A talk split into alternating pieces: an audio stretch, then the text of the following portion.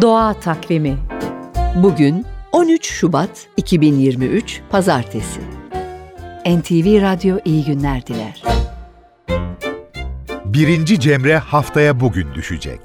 Anadolu halk takvimine ve inanışa göre Kasım günlerinin 100. gününden 5 gün sonra Cemreler birer hafta arayla düşmeye başlar.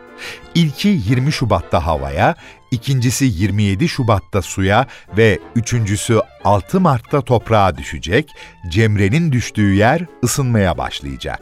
İklim kriziyle havalar değişti. Ama dört mevsimin yaşandığı Anadolu'da mevsim normaline göre Şubat ayının sonunda baharın başka işaretleri de görülür.